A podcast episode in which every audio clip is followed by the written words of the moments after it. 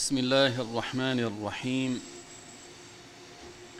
الحمد لله رب العالمين وصلى الله وسلم على سيدنا محمد سيد الأولين والآخرين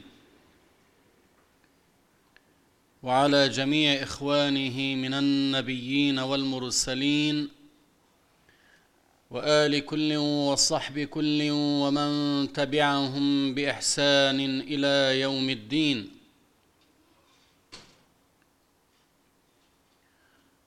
اللهم علمنا ما ينفعنا وانفعنا بما علمتنا وزدنا علما يا رب العالمين.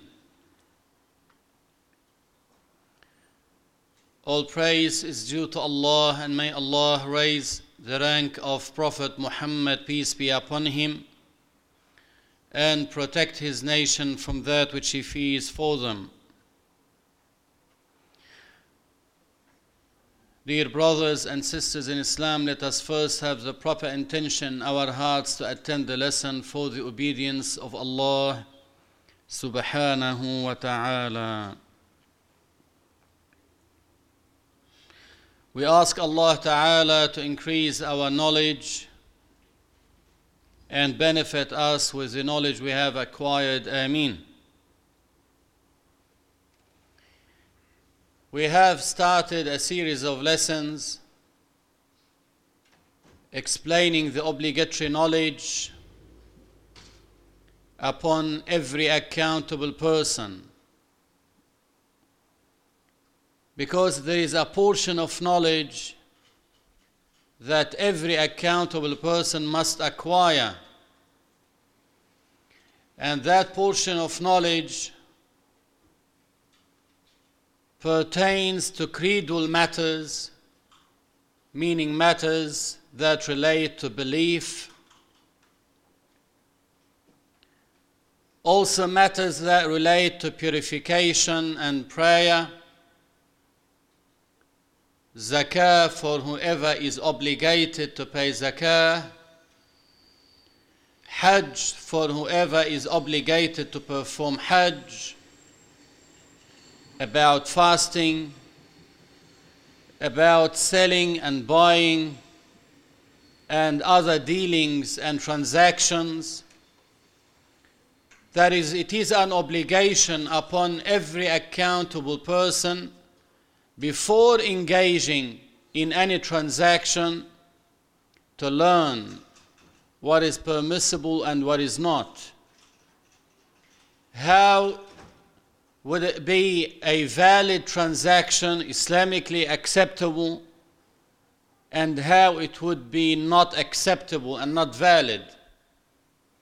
Otherwise, the one who engages in transactions before acquiring the knowledge about what is permissible and not about this transaction is committing a sin. So he is sinful for engaging in dealings and transactions before acquiring the knowledge that pertain to that transaction. Because without the proper knowledge about it, how would one be able to distinguish between the valid transaction and the invalid transaction. Umar radiallahu anhu used to pass by the tradesmen in the shopping place where they have like a market he would go to the market, Umar radiallahu anhu himself, the caliph. He would pass by those who are selling goods to people and he would test them. What if someone buys such and such for such and such? Would it be valid or not?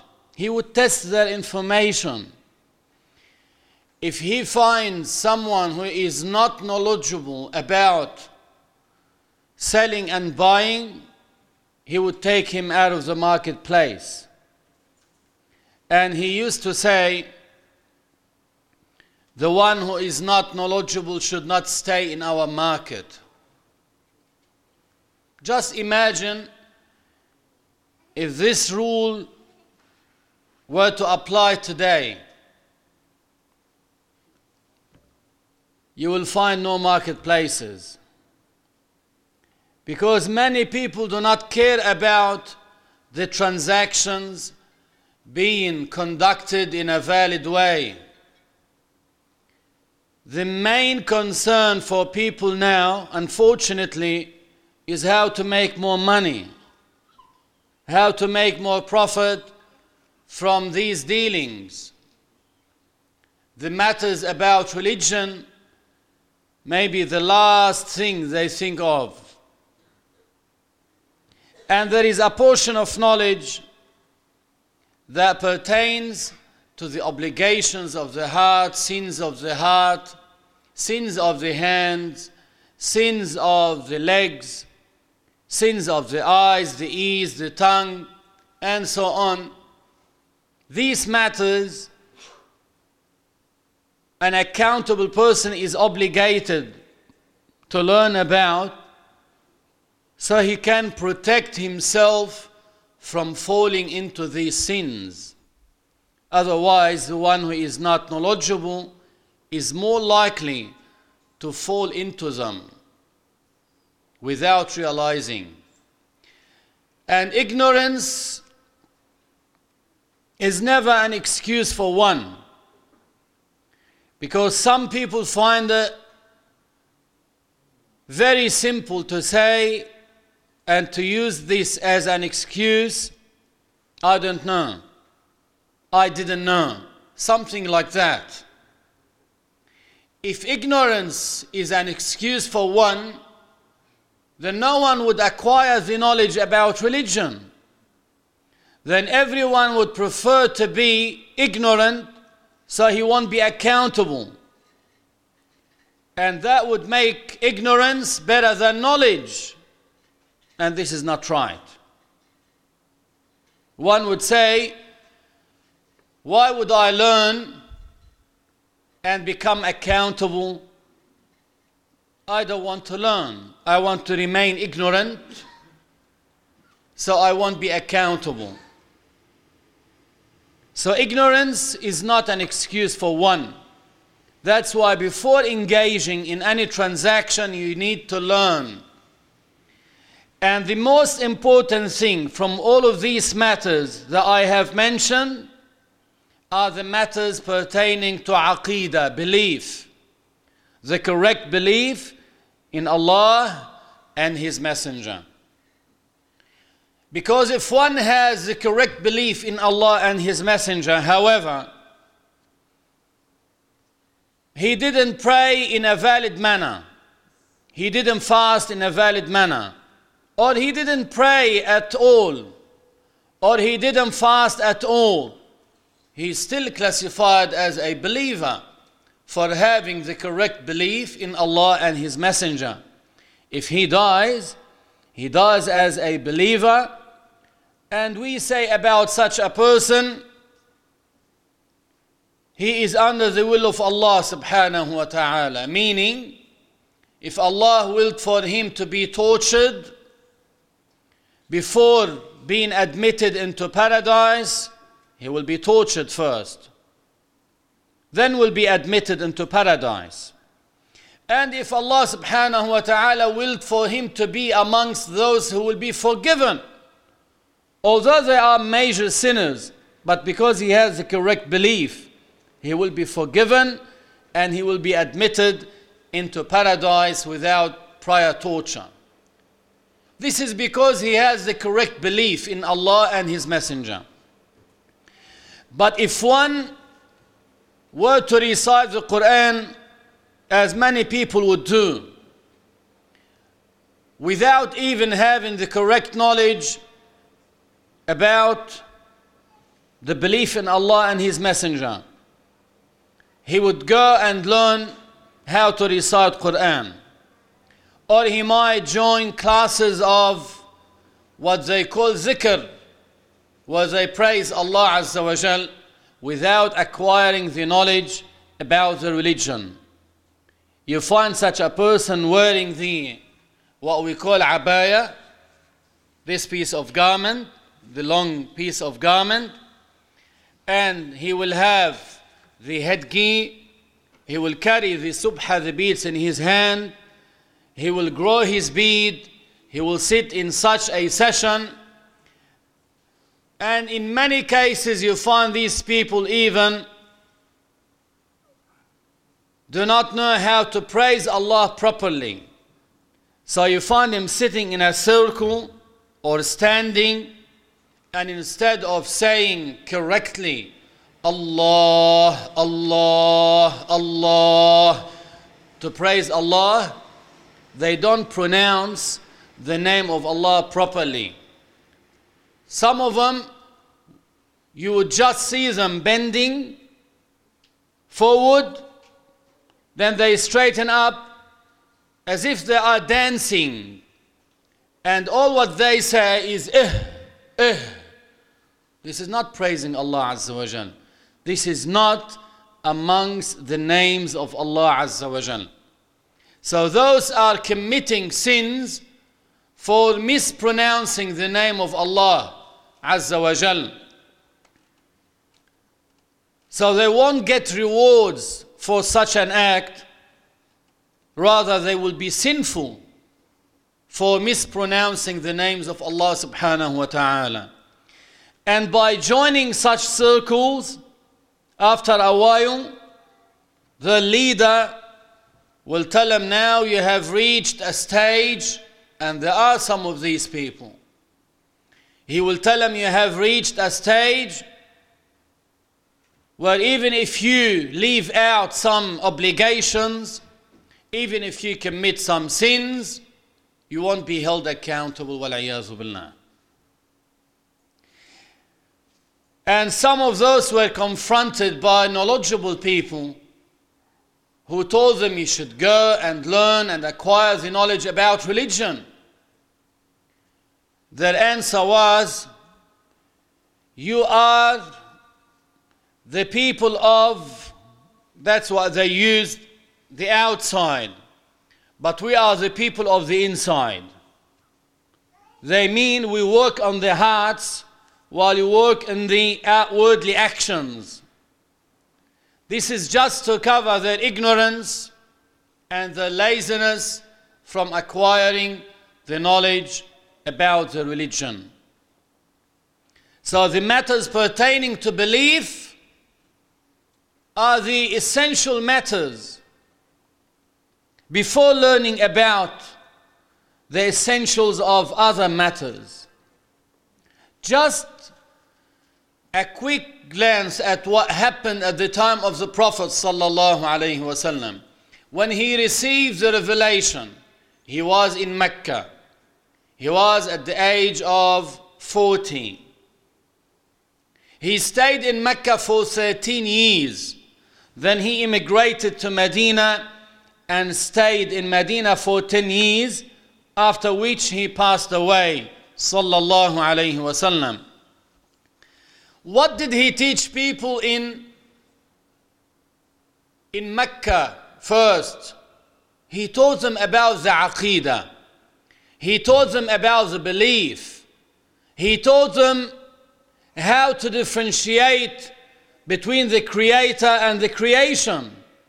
Because some people at that time used to worship the idols in Mecca. Pagans, they call them. Pagans, mushrikeen, idolists. They worship the idols. They would make an idol from stones, from wood, even sometimes from dates. And when they feel hungry, they eat that idol. And they still worship them. They still believe that they can create a benefit or they can alleviate a harm. So the Prophet focused on what? On teaching them the correct belief. He taught them about the proper belief in Allah and His Messenger. He taught them about matters pertaining to belief such as resurrection, day of judgment, paradise and hell, angels, and so on. So he emphasized the matters of the belief. When were the five obligatory prayers being ordained upon the Prophet and the believers, the five prayers? According to a saying of some scholars, just before the immigration, prophetic immigration by one year. So after 12 years, the five obligatory prayers were ordained upon the Prophet and this nation, and that was during the night of Al Isra and Al Mi'raj. What about fasting? The month of Ramadan, when it was ordained upon this nation in the second year after the prophetic emigration. What about Hajj in the fifth or the sixth year after the prophetic immigration?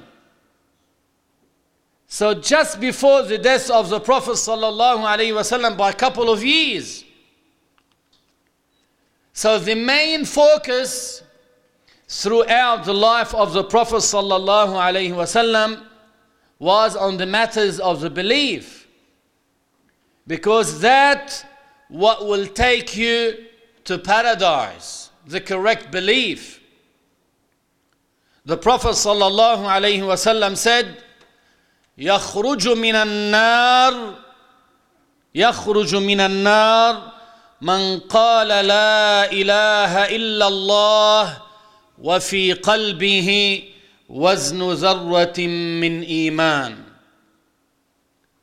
the one who dies as a believer, believing in Allah, he has the correct belief in the testification of faith. La ilaha illallah Muhammadur Rasulullah. He has the basics of the proper belief. He has this. The Prophet sallallahu wasallam said, such a person will come out of hellfire and will be admitted into paradise to stay and dwell in it forever. Because there is no believer who has the correct belief that will dwell in hellfire forever. The believers will dwell in paradise forever. Those who die as pious, righteous, will go straight away to paradise. They won't receive any torture prior to admittance into paradise. But those who committed major sins and died without repentance, they died without repentance, those will be of two categories. One category will be forgiven by Allah Azza wa Jal, although they deserve to be tortured, but they will be forgiven and they will be admitted into paradise and they will receive no torture whatsoever. The other category are those who will enter hellfire for a period of time to be tortured for the sins they have committed, after which they will come out of hellfire and be admitted into paradise where they dwell forever in paradise. We ask Allah to make us amongst those who will be admitted into paradise without prior torture. So, first of all, one needs to focus on the matters of the belief.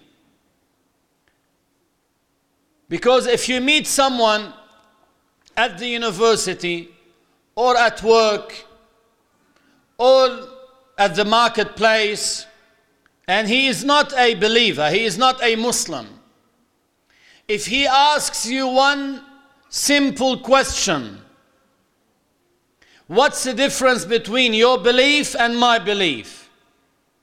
How can you explain to him the difference between your belief and his belief?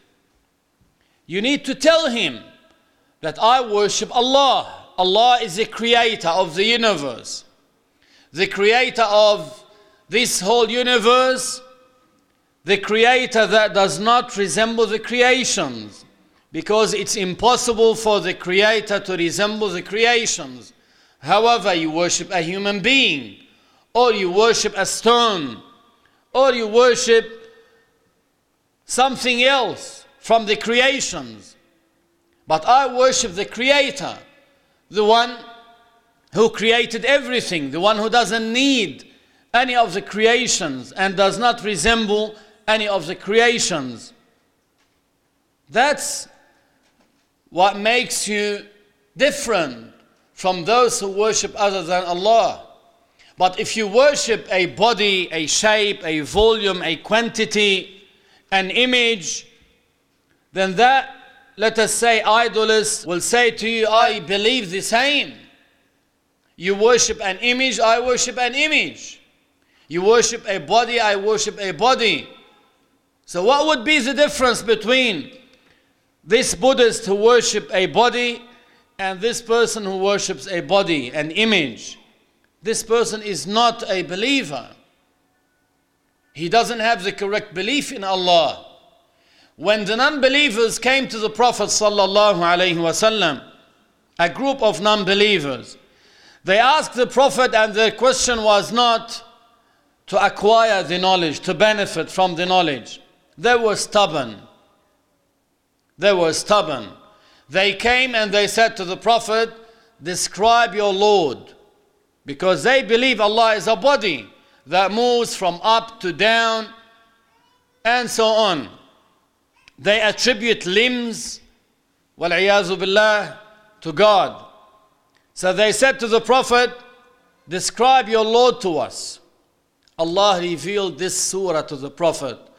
قل هو الله أحد الله الصمد لم يلد ولم يولد ولم يكن له كفوا أحد Meaning say to them, Allah is Ahad. Ahad means indivisible. Indivisible, cannot be divided because Allah is not a body. They worship bodies, they worship masses, quantities, volumes, but Allah subhanahu wa ta'ala is not a body or a volume or a mass. So Allah subhanahu wa ta'ala revealed this verse to him. Say to them, Allah is ahad, indivisible. Allahu samad does not need the creations, and all the creations are in need of Allah and the places amongst the creations of Allah? Of course, they are amongst the creations of Allah. Who created the skies? Allah. Who created the earth? Allah. Who created the arsh, the throne? Allah. Who created the kursi that is underneath the arsh? Allah. Who created the places? Allah. Who created the directions? Allah. Allah does not need them. So Allah exists without being in need of being in a place or direction or sitting on the throne or occupying the sky because Allah is not a body. Allah created the skies for the angels.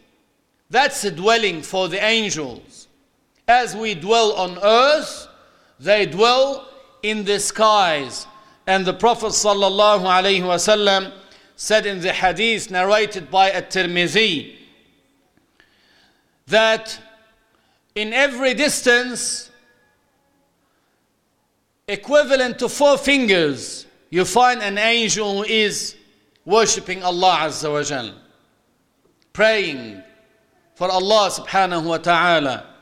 Meaning the skies are crowded with the angels. That's their place.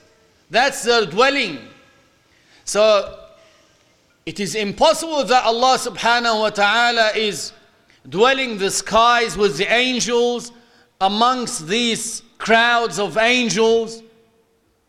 And also because these skies will collapse on the day of judgment. As Allah subhanahu wa ta'ala said in the Quran, وَإِذَا السَّمَاءُ كُشِطَتْ also Allah said, يوم نطوي السماء كطي السجل للكتب These skies will fall on top of each other on the day of judgment. So it's impossible that Allah is dwelling the sky and they will fall and collapse on Allah Azza wa Jal. So if a person asks you, why did Allah create the skies? For the angels. As Allah created the earth for us, for humans, for jinn, for animals. The angels dwell the skies. The arsh. Why did Allah create the arsh? The arsh is like the Kaaba for us here on earth. As we go to Mecca and we turn around Al Kaaba, when we perform Hajj during Tawaf, glorifying Allah, performing this obligation, the angels turn around the Arsh, praising Allah, as Allah mentioned in Surah Az-Zumar.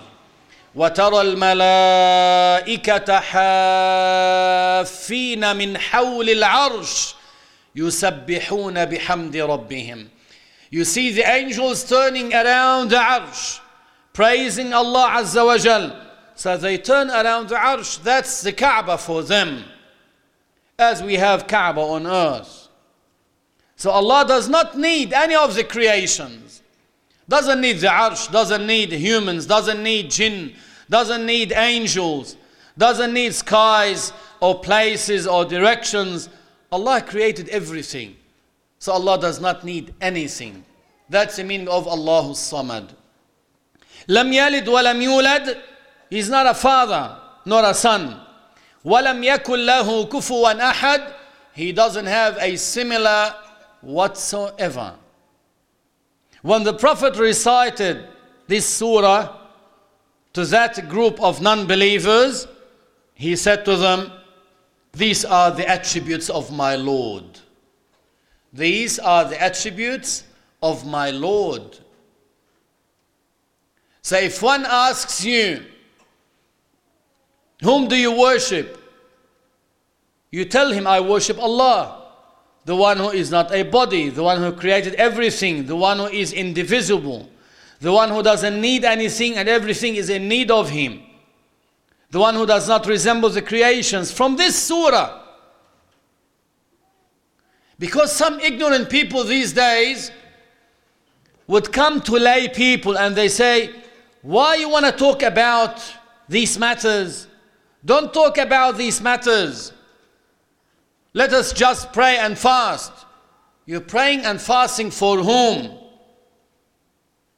If you don't know your Lord, if you are unaware of the attributes of Allah subhanahu wa ta'ala that every accountable person must know about, how would you know about your Lord? That's why that's what comes first to learn about the Creator. This is called a tawheed, the proper belief in Allah. Imam al Junaid al Baghdadi, may Allah raise his rank, said, التوحيد إفراد القديم من المحدث. The proper belief in the oneness of Allah is to be able to distinguish between the creator and the created. But if one ascribes to Allah the attributes of the creations, this person doesn't know Allah subhanahu wa ta'ala. He worships an image, something that he imagined, and he wouldn't be worshipping Allah subhanahu wa ta'ala. So, to continue the meaning of the first testification of faith, Allah subhanahu wa ta'ala created everything. everything that comes into existence comes into existence according to the eternal will of Allah, the eternal power of Allah, and the predestining of Allah subhanahu wa ta'ala And in accordance with His eternal knowledge. Allah Ta'ala said in the Quran, وَخَلَقَ كُلَّ شَيْءٍ This ayah means Allah created everything. Allah subhanahu wa ta'ala is the one that brought all the creations from the state of non existence into the state of existence. And that's called the creating. And this is an attribute that can only be attributed to Allah because that's the meaning of Godhood. When you say, La ilaha illallah, it means only Allah is attributed with Godhood. What's the meaning of Godhood? The power to create, the power to bring things from the state of non existence into the state of existence. So only Allah can create. You cannot create a wing of a mosquito. If your hair starts falling, you cannot create hair in its place. One hair you cannot create. If you have one cell that is dead in your body, you cannot create one cell. Allah is the creator. With all the technology they have today, with all the advancement of sciences they have reached, they cannot create a little thing, a wing of a mosquito. Look, these days, when suddenly you have kidney failure, for instance, and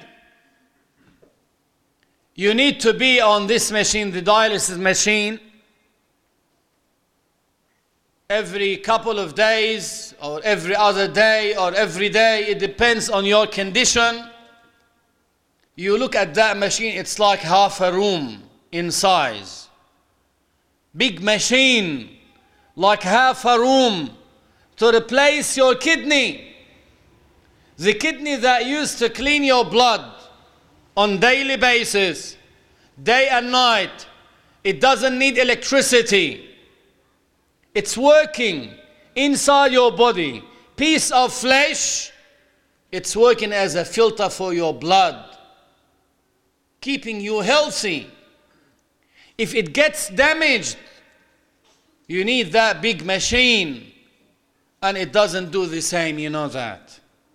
They start once a week, then the condition deteriorates, they need twice a week, then every day, then after a while, they say no hope. They leave him to his fate to die.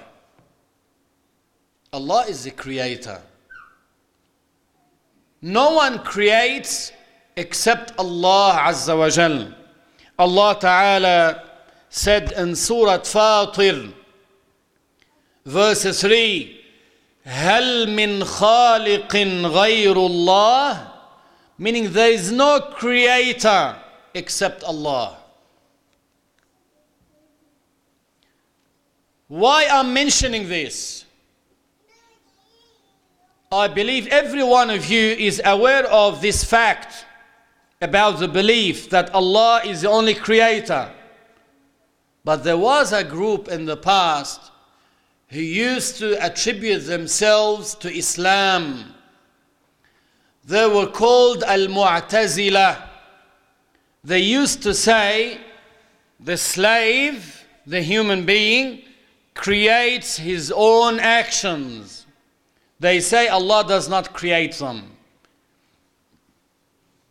And those, by saying this, committed shirk because they attributed to themselves the attribute of godhood.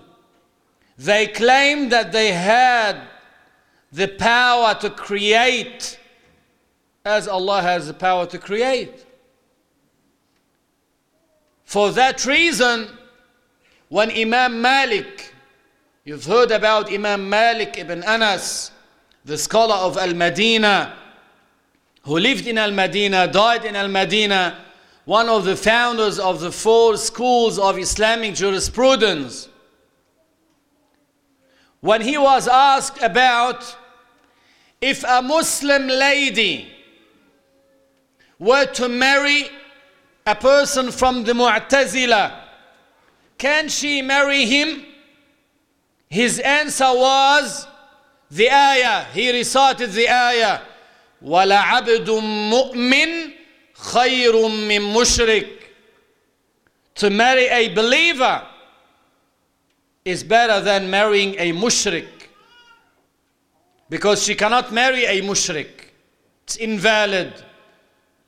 So he replied with this verse. Because those Mu'tazila were mushriks by saying that the slave creates his own actions, they have committed shirk. They associated partners with Allah subhanahu wa ta'ala. So when did Imam Malik radiallahu anhu die? In 179 after the prophetic immigration. So more than 1,300 years approximately. From that time, the scholars were warning people against the false beliefs against believing something against the proper belief that will render one a disbeliever. So it's not enough for one to say, Yeah, I do believe in God, where in fact he believes God is a body with limbs, is a bird, or something that goes up and down, or a statue like an idol. This person is not a believer. That's why Imam Malik radiallahu anhu replied to those who asked him, Can a Muslim lady marry a person from the Mu'tazila? The Mu'tazila, if you look at them outwardly, they looked like Muslims, would grow their beads, would wear these Islamic garments, would go to mosques, and so on. Do you see them praying and the like? That's outwardly. But the belief is not correct. Even the Prophet warned against them before their emergence. The Prophet at his time said, as narrated by Abu Dawood and others, Al Qadariyah مجوس هذه الأمة Al Qadariyah, those who deny the predestining of Allah Azza wa Jal, they deny the perfect will of Allah Azza wa Jal. They believe that not everything that comes into existence is created by Allah. They believe there are other creators. That's why they are mushriks. That's why Imam Malik said about them, they are mushrikeen. What are al majus? The fire worshippers. They used to believe in two gods, one for good, one for evil. They used to say, This is God of good, and this is God of evil. So they used to believe in two gods. The Prophet ﷺ called the Mu'tazila the Qadariya, the Majus of this nation. Why? Because the Mu'tazila and the Qadariya believe that other than Allah is a creator as well. According to the Mu'tazila and Qadariya, every single human being is a creator. Well, that's not the proper belief in Allah. Look what Imam al-Nasafi, one of the prominent scholars, mentioned in his Aqidah, in his book known as Al-Aqidah al-Nasafiyya. He said what means. If a person hit glass with a stone and broke it, then the acts of hitting and breaking and the state of being broken were all created by Allah. If one were to carry a stone in his hand and throw it at a window, so that's the action of throwing. That's called ad-darb, the act of hitting. But the glass might break and might not break from this throwing. Then the break that happened in the window, so the actual incident that happened in the glass. And the effect of that breaking, having the glass shattered and spread around, all these are created by Allah Azza wa Jal. The slave only acquires the act, but he does not create it. We do not create our actions, we acquire them. What's the acquisition of actions mean? It means, as Allah said, لها ما كسبت وعليها maktasabat. We are rewarded for the good deeds we acquire. We deserve to be tortured for the bad deeds we acquire. But we do not create our actions. Although they are voluntary actions, but we do not create them. Ahlul Sunnah wal Jama'ah, people of the truth, said that the actions of the slave, whether voluntary or involuntary, are all created by Allah, but they are acquired by the slave. Let me make it very simple to you. We know the involuntary action like our heartbeats. We never had any intention to make our hearts beat. We don't think about it. It keeps beating and pumping day and night. We sleep and it keeps working because we had nothing to do with it. This is involuntary action. The voluntary actions, like walking, when you walk from one place to another, you are doing this action voluntarily, but you do not create it. What's the proof that you do not create it? Very simple proof. Now, those who park their cars in the car park and stepped out of their cars and entered the mosque, every one of you, you cannot answer the questions that I will say now. If I ask you, how many steps did you make from the car till you sat down? You have no idea. How far each stride, stride, one step, you made from the moment you stepped out of your car till you sat down inside the mosque. You have no idea how many centimeters, how many millimeters you are unaware of it although you did this voluntarily, but you don't know everything about your steps, so you cannot be the creator of your steps. The creator is Allah. There is only one creator. So, what did you do? You had the intention to come to the mosque. You took by the means. You directed yourself to come to the mosque. You went into your car you drove here and you went inside the mosque and you attended the class. That's called acquiring the action. And because it's a good deed, if you have the good intention, you will be rewarded for it a great reward in the hereafter. Same if someone chose to go to the city to take drugs, to drink alcohol, he will do this voluntarily. and he will be sinful for that. But he doesn't create any of his actions. And remember this ayah in Surah As-Saffat والله خلقكم وما تعملون It means Allah created you and created your actions.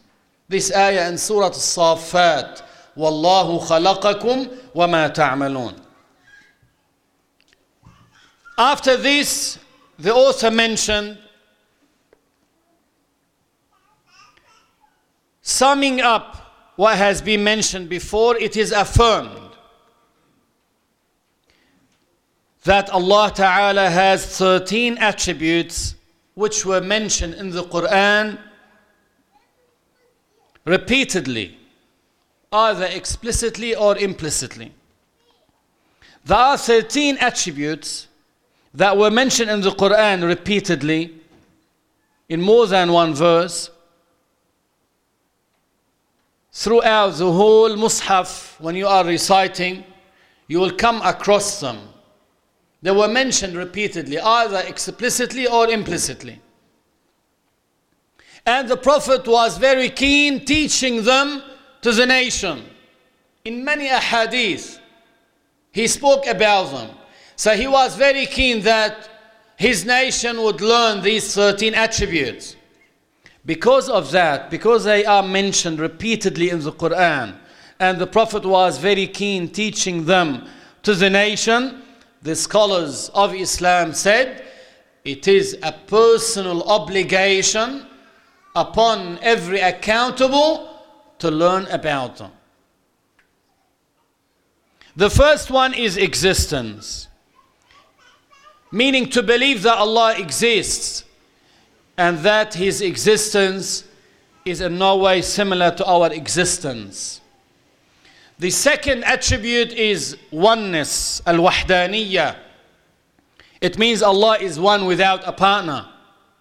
I will not elaborate too much about them because we already talked about them in the previous sessions. So I will list them and talk briefly about them. The first attribute is existence, al wujud. It means Allah exists, and Allah's existence is in no way similar to our existence. Allah exists without being in a place or direction and without any resemblance to the creations. Oneness, al wahdaniyya, means Allah is one without a partner eternity al-qidam non-beginninglessness it means Allah's existence is without a beginning. Everything else other than Allah is created by Allah subhanahu wa ta'ala. Everlastingness. It means Allah's existence does not come to an end. Look, we have a beginning for our life and we have an end for our life. We know that 100 years ago we did not exist. And we know that after a while we will die. So our life has a beginning and has an end. But Allah subhanahu wa ta'ala is alive without a beginning and without an end. Non neediness of others and that is taken from the ayah Allahu Samad. Allahu Samad. Power al Qudra. It means Allah has the power over everything. So everything that is intellectually possible to exist Allah subhanahu wa ta'ala is able to make it exist. Everything that is existent from the creations, those are amongst what is intellectually possible. What is intellectually possible? It means what the mind accepts its existence at a time and its non existence at another time. That's why the scholars would use the term that the existence of Allah is intellectually necessary. Why they use necessary? Because it's impossible for Allah not to exist or to cease to exist. But as for the creations, we did not exist. So the sound mind accepted our existence, and when we perish, when we cease to exist, the sound mind accepts our non existence as well. So everything that is intellectually possible, it accepts the existence at a time and the non existence at another time. So Allah has the power over everything that is intellectually possible. Al irada, will of Allah. It specifies what is intellectually possible with some of the attributes over other attributes, with a time over another time. We are amongst what is intellectually possible. Take yourself as an example. It was intellectually, or it is intellectually possible that you were to exist 500 years ago. Who specified you to exist at this time, not 500 years ago? Allah. By His will, Allah specifies what is intellectually possible with some of the attributes over other attributes and with existence over non existence. It is intellectually possible that we would have two moons instead of one, three suns instead of one. Why there is only one moon and one sun? Because Allah willed for this universe to have one sun and one moon. Had Allah willed for this universe to have 10 moons and 10 suns, it would have had 10 suns and 10 moons. So, by His will, Allah subhanahu wa ta'ala specifies what is intellectually possible with existence over non existence, or with an attribute over another attribute, or with a time over another time. Knowledge, al ilm, it means Allah knows with His eternal knowledge everything. Nothing is hidden from the knowledge of Allah subhanahu wa ta'ala. The knowledge of Allah encompasses everything.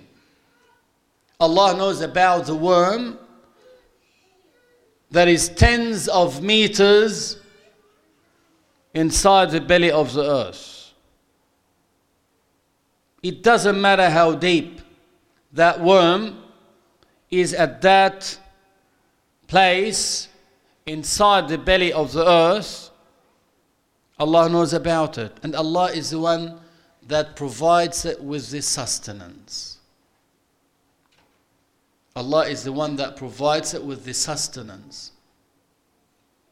So nothing is hidden from the knowledge of Allah subhanahu wa ta'ala. Allah knows what happened, what's happening, what's going to happen the knowledge of Allah does not increase or decrease or develop or change as all His attributes subhanahu wa ta'ala. Hearing and sight, two attributes, we talked about them last week when we mentioned the ayah in Surah Ash-Shura. ليس كمثله شيء وهو السميع البصير. In the first section, Allah mentioned لَيْسَ كَمِثْلِهِ شَيْء Nothing resembles Allah in any way whatsoever. Then Allah said, وَهُوَ السَّمِيعُ الْبَصِيرُ Allah is attributed with hearing and sight. So one would deduce quickly that the hearing of Allah is not like our hearing. The sight of Allah is not like our sight.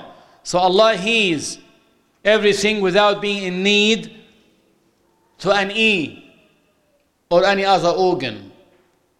Allah sees everything without being in need to a pupil or any other organ. Life, Allah's life does not resemble our life. Allah's life has no beginning and no end. Allah's life is not made up of soul, body, flesh, veins, bone marrow, and the like. Al Kalam, meaning Allah's Kalam is not like our speech. The way we speak, we speak a language. We speak English, we speak Arabic, maybe you speak uh, other languages as well. You speak a language in the end. You need to move your tongue. You need this organ to be able to pronounce letters. The letters have a beginning and an end. This is the way we talk.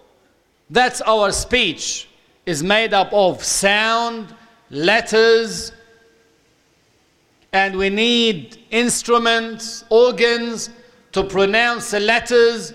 But Allah subhanahu wa ta'ala does not resemble the creation. So Allah's kalam is not like our kalam. Allah's kalam is eternal, without a beginning, like all His attributes. And everlasting does not end. So that's why it's not a sound. It's not a letter. It's very obvious that the letter has a beginning and has an end. Even if you were to recite Bismillahir Rahmanir Rahim what did I start with? Ba. Bismi. The letter Ba. Bismillahir Rahmanir Rahim. I finished by Mim. So all these letters came in succession, one after another, with a sound. They had a beginning, they had an end. This is my speech. This is the way we recite. But Allah's kalam is not made up of sound letters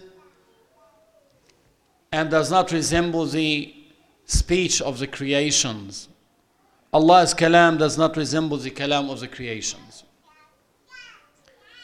It's very simple. As you say, the power of Allah does not resemble the power of the creations. The knowledge of Allah does not resemble the knowledge of the creations the kalam of Allah does not resemble the kalam of the creation.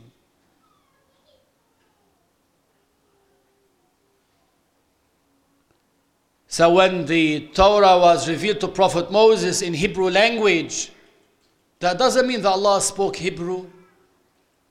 When the Injil, they might call it in English Evangel, was revealed to Prophet Isa alayhi salam, it doesn't mean that Allah spoke Syriac language. When the Quran was revealed to Prophet Muhammad, it doesn't mean that Allah spoke Arabic. These languages are created by Allah. So Allah's kalam is not a language, is not a letter, is not a sound, does not resemble the speech of the creations. And the last one is non resemblance to the creations. As Allah said, لَيْسَ كَمِثْلِهِ شَيْءٍ ولم يكن له كفوا احد فلا تضربوا لله الامثال هل تعلم له سميا all these verses negate any resemblance of Allah to the creations because Allah does not resemble the creations in any way whatsoever. The scholars said, since these 13 attributes were mentioned Many times in the Quran and Hadith, the scholars said that knowing them is a personal obligation. That's what we call fard ayn. These 13 attributes. And because Allah subhanahu wa ta'ala is without a beginning and without an end, talking about the self of Allah, the attributes of Allah, must be without a beginning and without an end.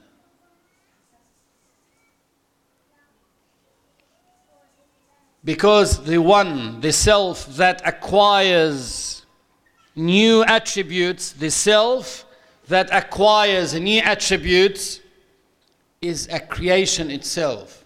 That self is a creation. When you were born, you were unable to talk. You knew nothing. Then you acquired knowledge. You became attributed with knowledge.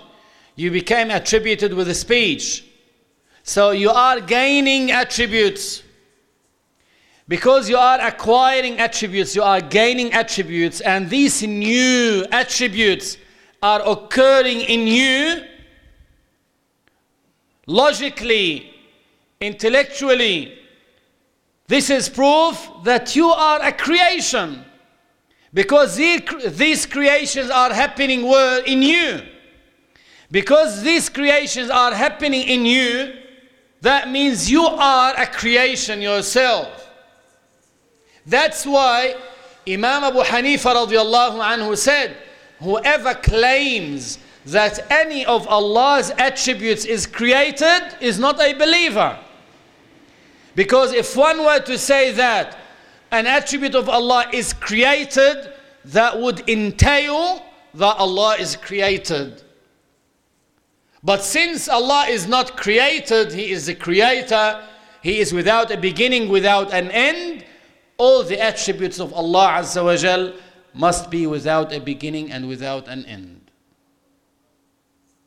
These are the jewels of faith. These are the gems that you should look for and acquire about.